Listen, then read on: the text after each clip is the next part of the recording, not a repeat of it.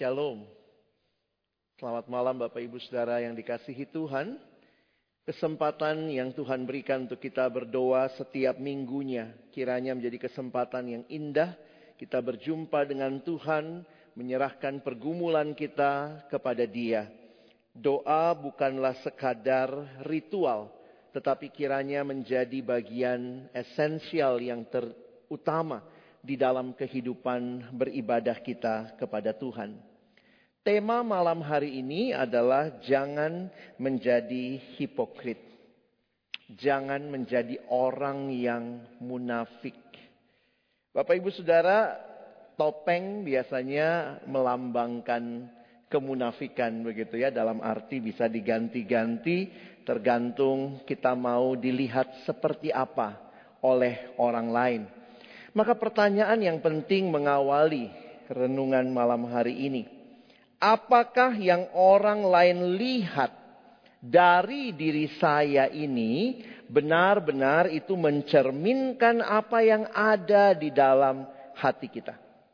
Jadi pastikan sebenarnya orang yang tulus, yang tidak hipokrit, tidak munafik, apa yang di dalam dan apa yang di luar harusnya sama hidupnya transparan.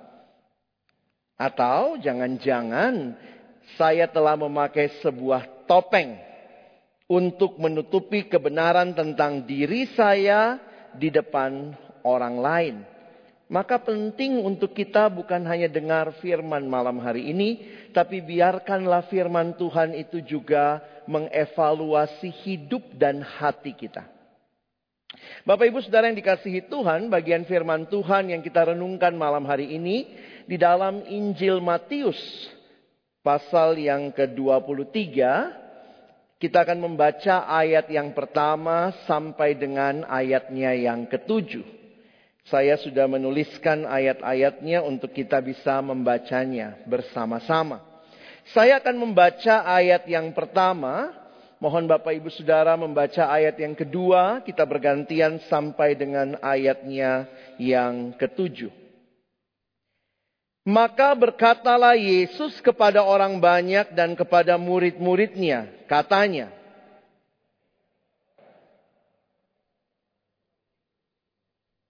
Sebab itu turutilah dan lakukanlah segala sesuatu yang mereka ajarkan kepadamu tetapi janganlah kamu turuti perbuatan-perbuatan mereka, karena mereka mengajarkannya tetapi tidak melakukannya.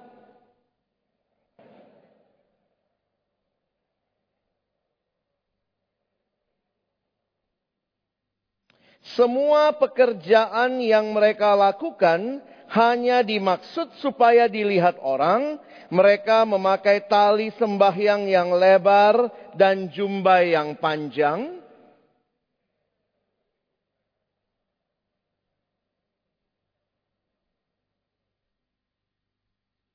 Mereka suka menerima penghormatan di pasar dan suka dipanggil rabi. Saudara yang dikasihi dalam Tuhan Yesus Kristus, apa yang Tuhan Yesus sampaikan memberikan satu pengertian kepada kita bahwa ternyata ketika berhadapan dengan orang-orang Yahudi secara khusus ahli Taurat dan orang Farisi waktu itu Yesus memberikan penekanan dan teguran kepada apa yang menjadi kemunafikan mereka. Saya ajak kita melihat tiga hal malam hari ini untuk kita memahami tema malam hari ini. Yang pertama mari kita lihat dulu begitu ya, apa itu hipokrisi, hipokrisi. Sebenarnya bahasa Indonesia bisa dipakai istilah apa itu kemunafikan. Saudara mari lihat sebentar apa yang disampaikan di ayat 1 sampai ayat yang ketiga. Jadi kalau saudara memperhatikan, perhatikan secara khusus di dalam ayat yang ketiga, Tuhan Yesus berkata, Sebab itu turutilah dan lakukanlah segala sesuatu yang mereka ajarkan kepadamu. Tetapi jangan turuti perbuatan-perbuatan mereka. Karena mereka mengajarkannya tetapi tidak melakukannya. Saudara tadinya saya pikir Tuhan Yesus tidak punya nilai positif sama sekali terhadap orang Farisi dan ahli Taurat. Ternyata perhatikan ada yang Tuhan Yesus afirmasi dari apa yang mereka miliki. Karena perhatikan dikatakan ayat 3, turutilah dan lakukanlah segala sesuatu yang mereka ajarkan kepadamu. Tuhan Yesus tidak bermasalah dengan ajaran mereka. Tetapi yang jadi masalah adalah perilaku mereka.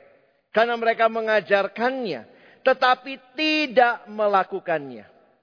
Sehingga kalau saudara memperhatikan apa itu kemunafikan, adalah ketidaksesuaian antara apa yang diucapkan dengan apa yang dilakukan. Farisi dan ahli Taurat adalah contoh klasik hipokrit atau orang munafik yang Yesus sebutkan di ayat yang ketiga ini. Jadi, waktu merenungkan akan hal ini, perhatikan saudara, ini Yesus lagi ngomong kepada para murid. Lihat di ayat 1 ya. Maka berkatalah Yesus kepada orang banyak dan kepada murid-muridnya. Kalau kita juga saat ini adalah murid Yesus. Hidup seperti apa yang saudara dan saya harus miliki. Orang-orang Farisi dan ahli Taurat, mereka bahkan sudah mengajar, tapi mereka tidak melakukan. Lalu kalau begitu murid bagaimana saudara? Farisi itu sudah mengajar tapi tidak melakukan. Berarti dia tahu tapi dia tidak lakukan. Bagaimana dengan kita? Harusnya tahu dan melakukan. Hidup yang indah ketika apa yang kita ketahui itu yang kita lakukan. Hidup yang beriringan di dalam ketulusan yang Tuhan mau. Saudara, banyak firman yang didengar, tetapi pertanyaannya, apakah itu sudah dilakukan? Tentu tidak ada dari kita yang sudah sempurna ya. Tentu nggak ada dari kita yang sudah sempurna. Tetapi kerinduan untuk melakukan firman itu menjadi sebuah tanda kesungguhan ketimbang hanya suka ajarannya tapi tidak suka melakukannya. Sejak saya mengerti ayat ini, maka doa saya sebelum firman, mungkin kalau Bapak Ibu yang beberapa kali mendengar saya berdoa, Tuhan tolong kami bukan cuma jadi pendengar firman, tetapi jadi pelaku pelaku firman. Gampang dengar firman. Satu minggu Bapak Ibu, apalagi sekarang ada buku renungan, ada YouTube, kita bisa dengar firman berkali-kali. Tapi apakah kita dengar firman untuk kuis Alkitab? Ada orang dengar firman untuk cerdas cermat Alkitab ya. Sehingga biasanya, wah kalau cerdas cermat dia nih. Tapi apakah tujuan firman diberikan dalam hidup kita? Apakah supaya kita menang cerdas cermat Alkitab? No. The Bible is not given for our information only, but for our transformation. Alkitab diberikan bukan sebagai penambah informasi bagi kita. Tetapi Alkitab diberikan untuk membawa kita, saudara dan saya mengalami transformasi. Hidup seorang murid Di sinilah saya jadi mengevaluasi. Jangan-jangan gereja bukan menghasilkan murid, tapi menghasilkan orang yang seperti Farisi. Wah, itu ngeri ya. Tiap minggu datang dengar firman. Makanya kalau ada yang mengevaluasi. Saya di dalam pelayanan banyak melayani mahasiswa dan siswa. Lalu kami bentuk ibadah-ibadah di kampus-kampus, di sekolah-sekolah, lalu ada juga kelompok-kelompok kecil. Lalu biasanya kalau kita evaluasi, apa yang kita evaluasi? Berapa banyak yang hadir? Berapa kelompok kecil yang berjalan? Berapa orang yang ikut kelompok kecil?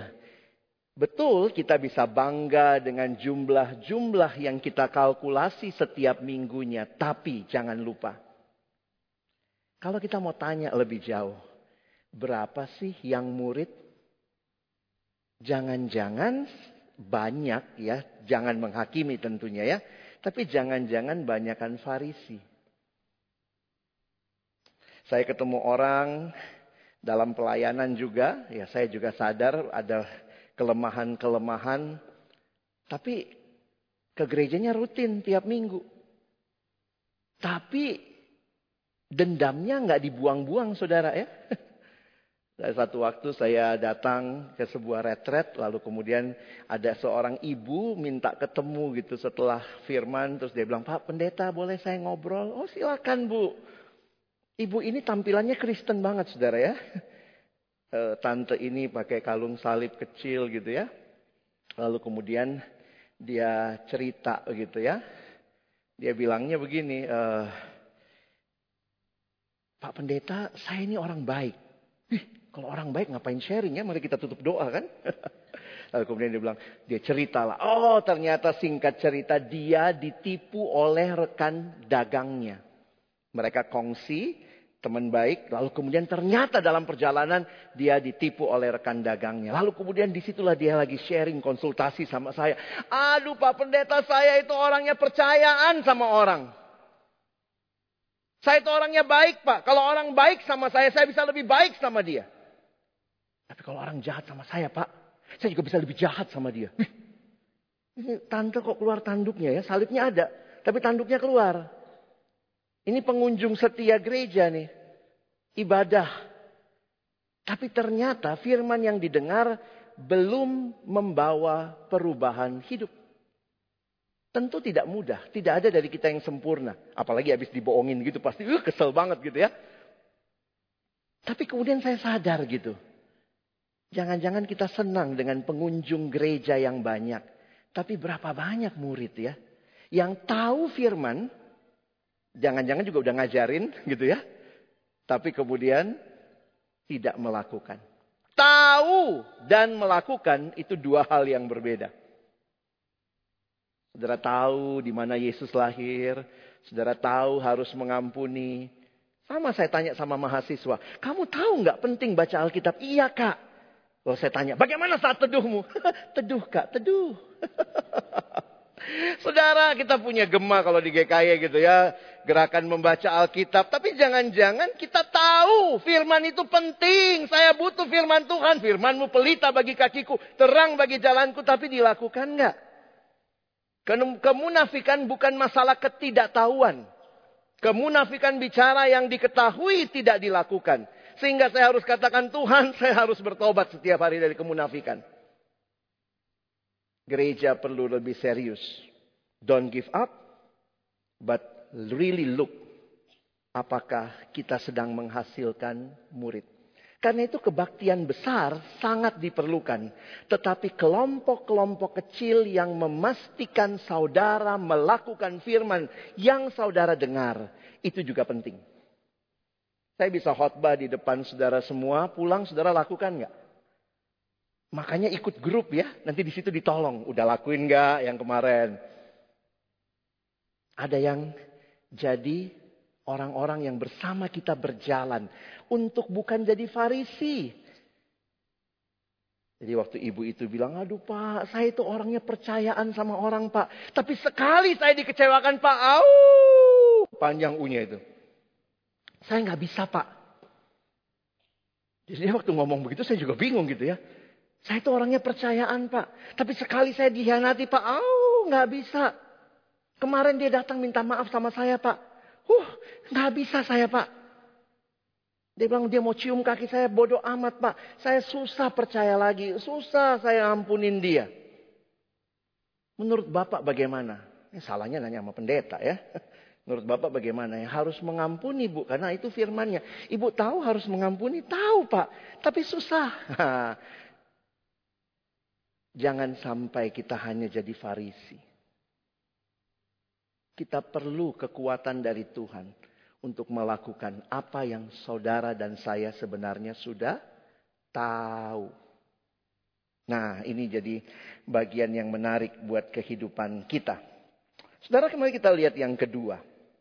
Yang kedua, apa bahaya kemunafikan? Sebenarnya apa sih bahayanya?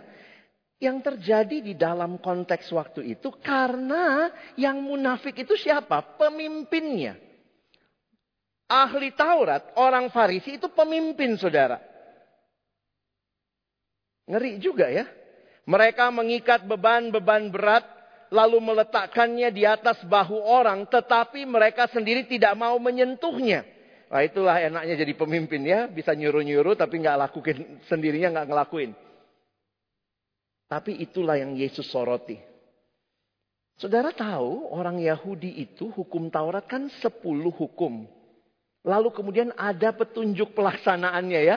Mereka mendeskripsikan di dalam 613 hukum yang kecil-kecil.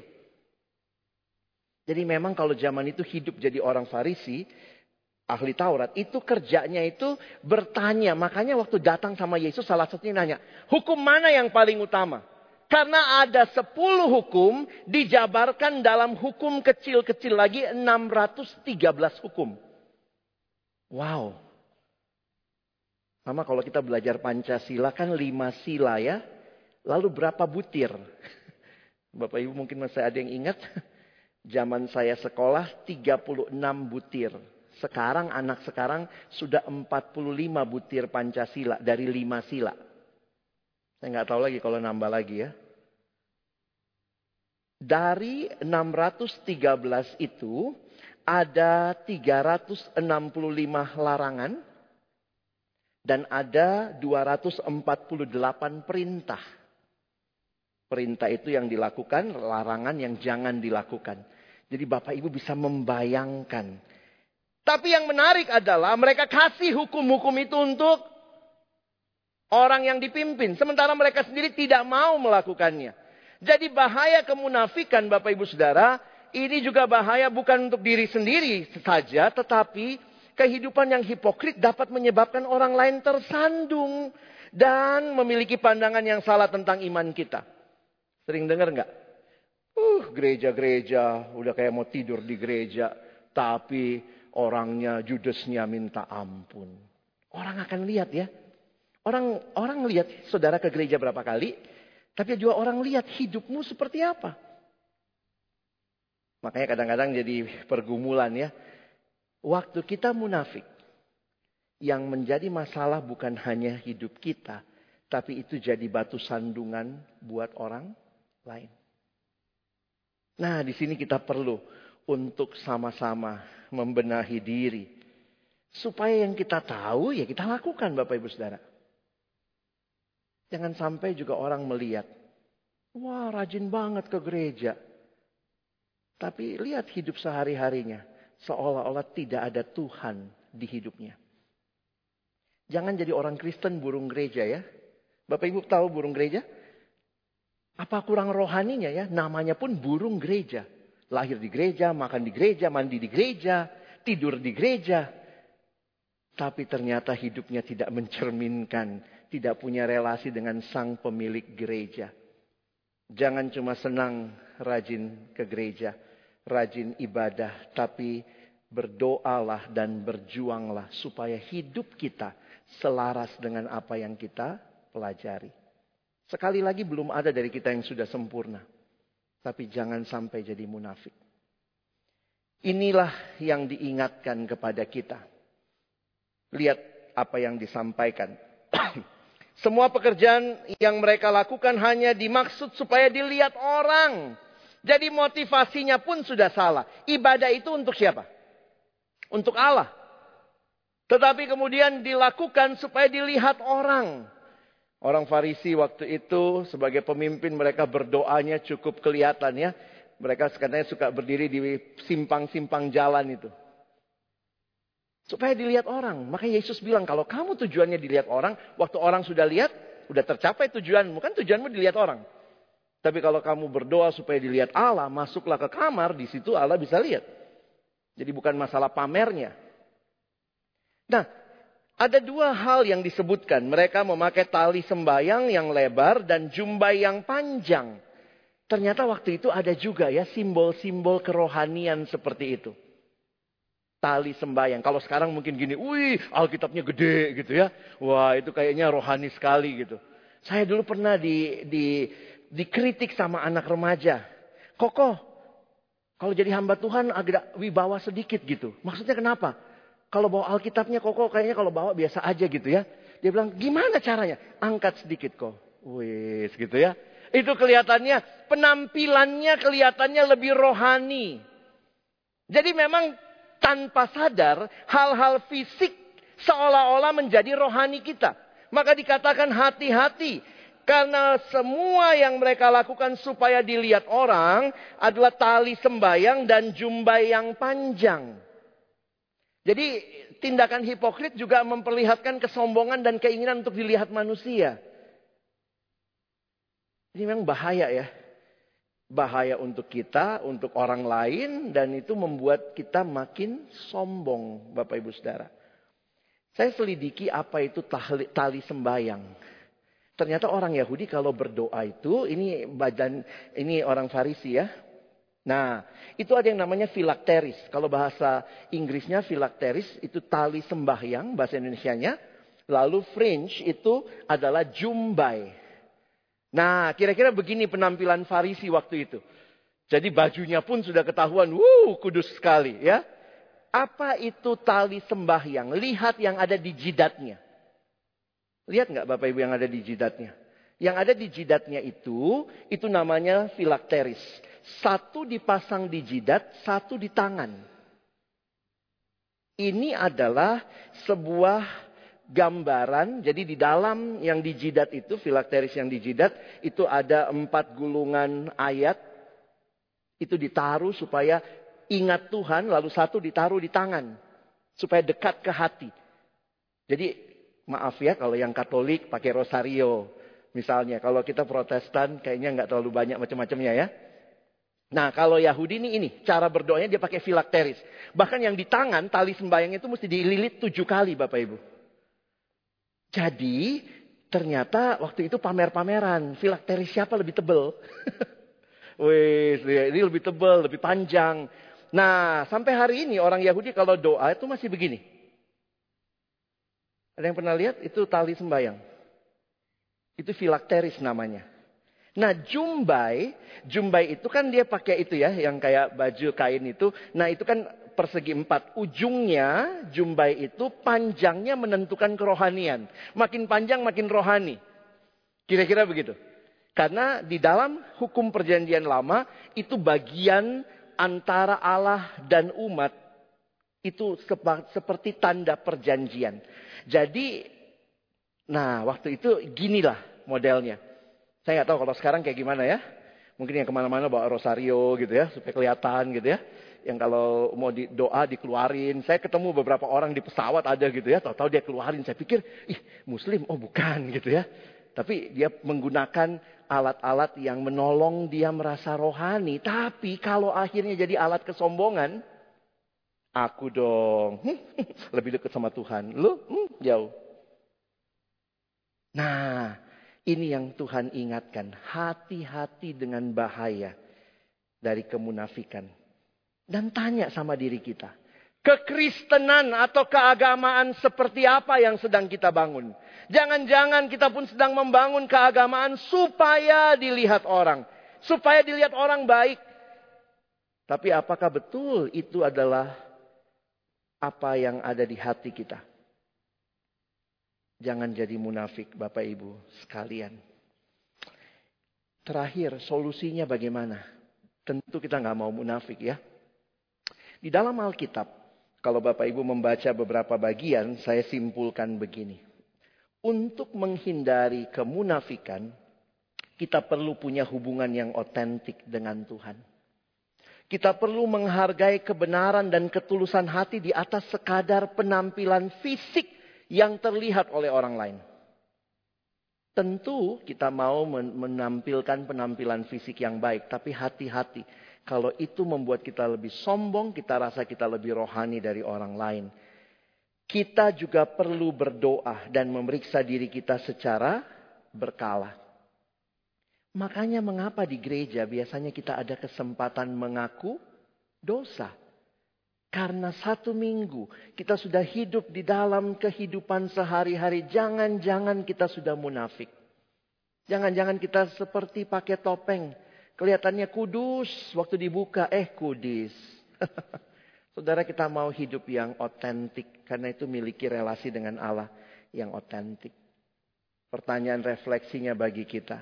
Apakah kita telah jujur dalam setiap tindakan dan perkataan kita?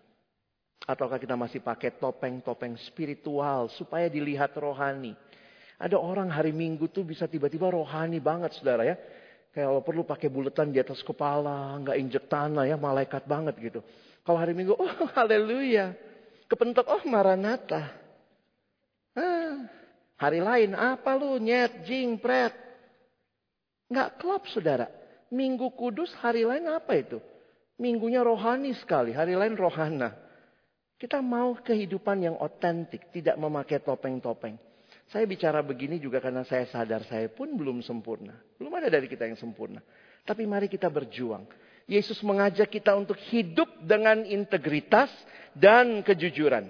Karena di hadapan Tuhan kita tidak bisa memakai topeng.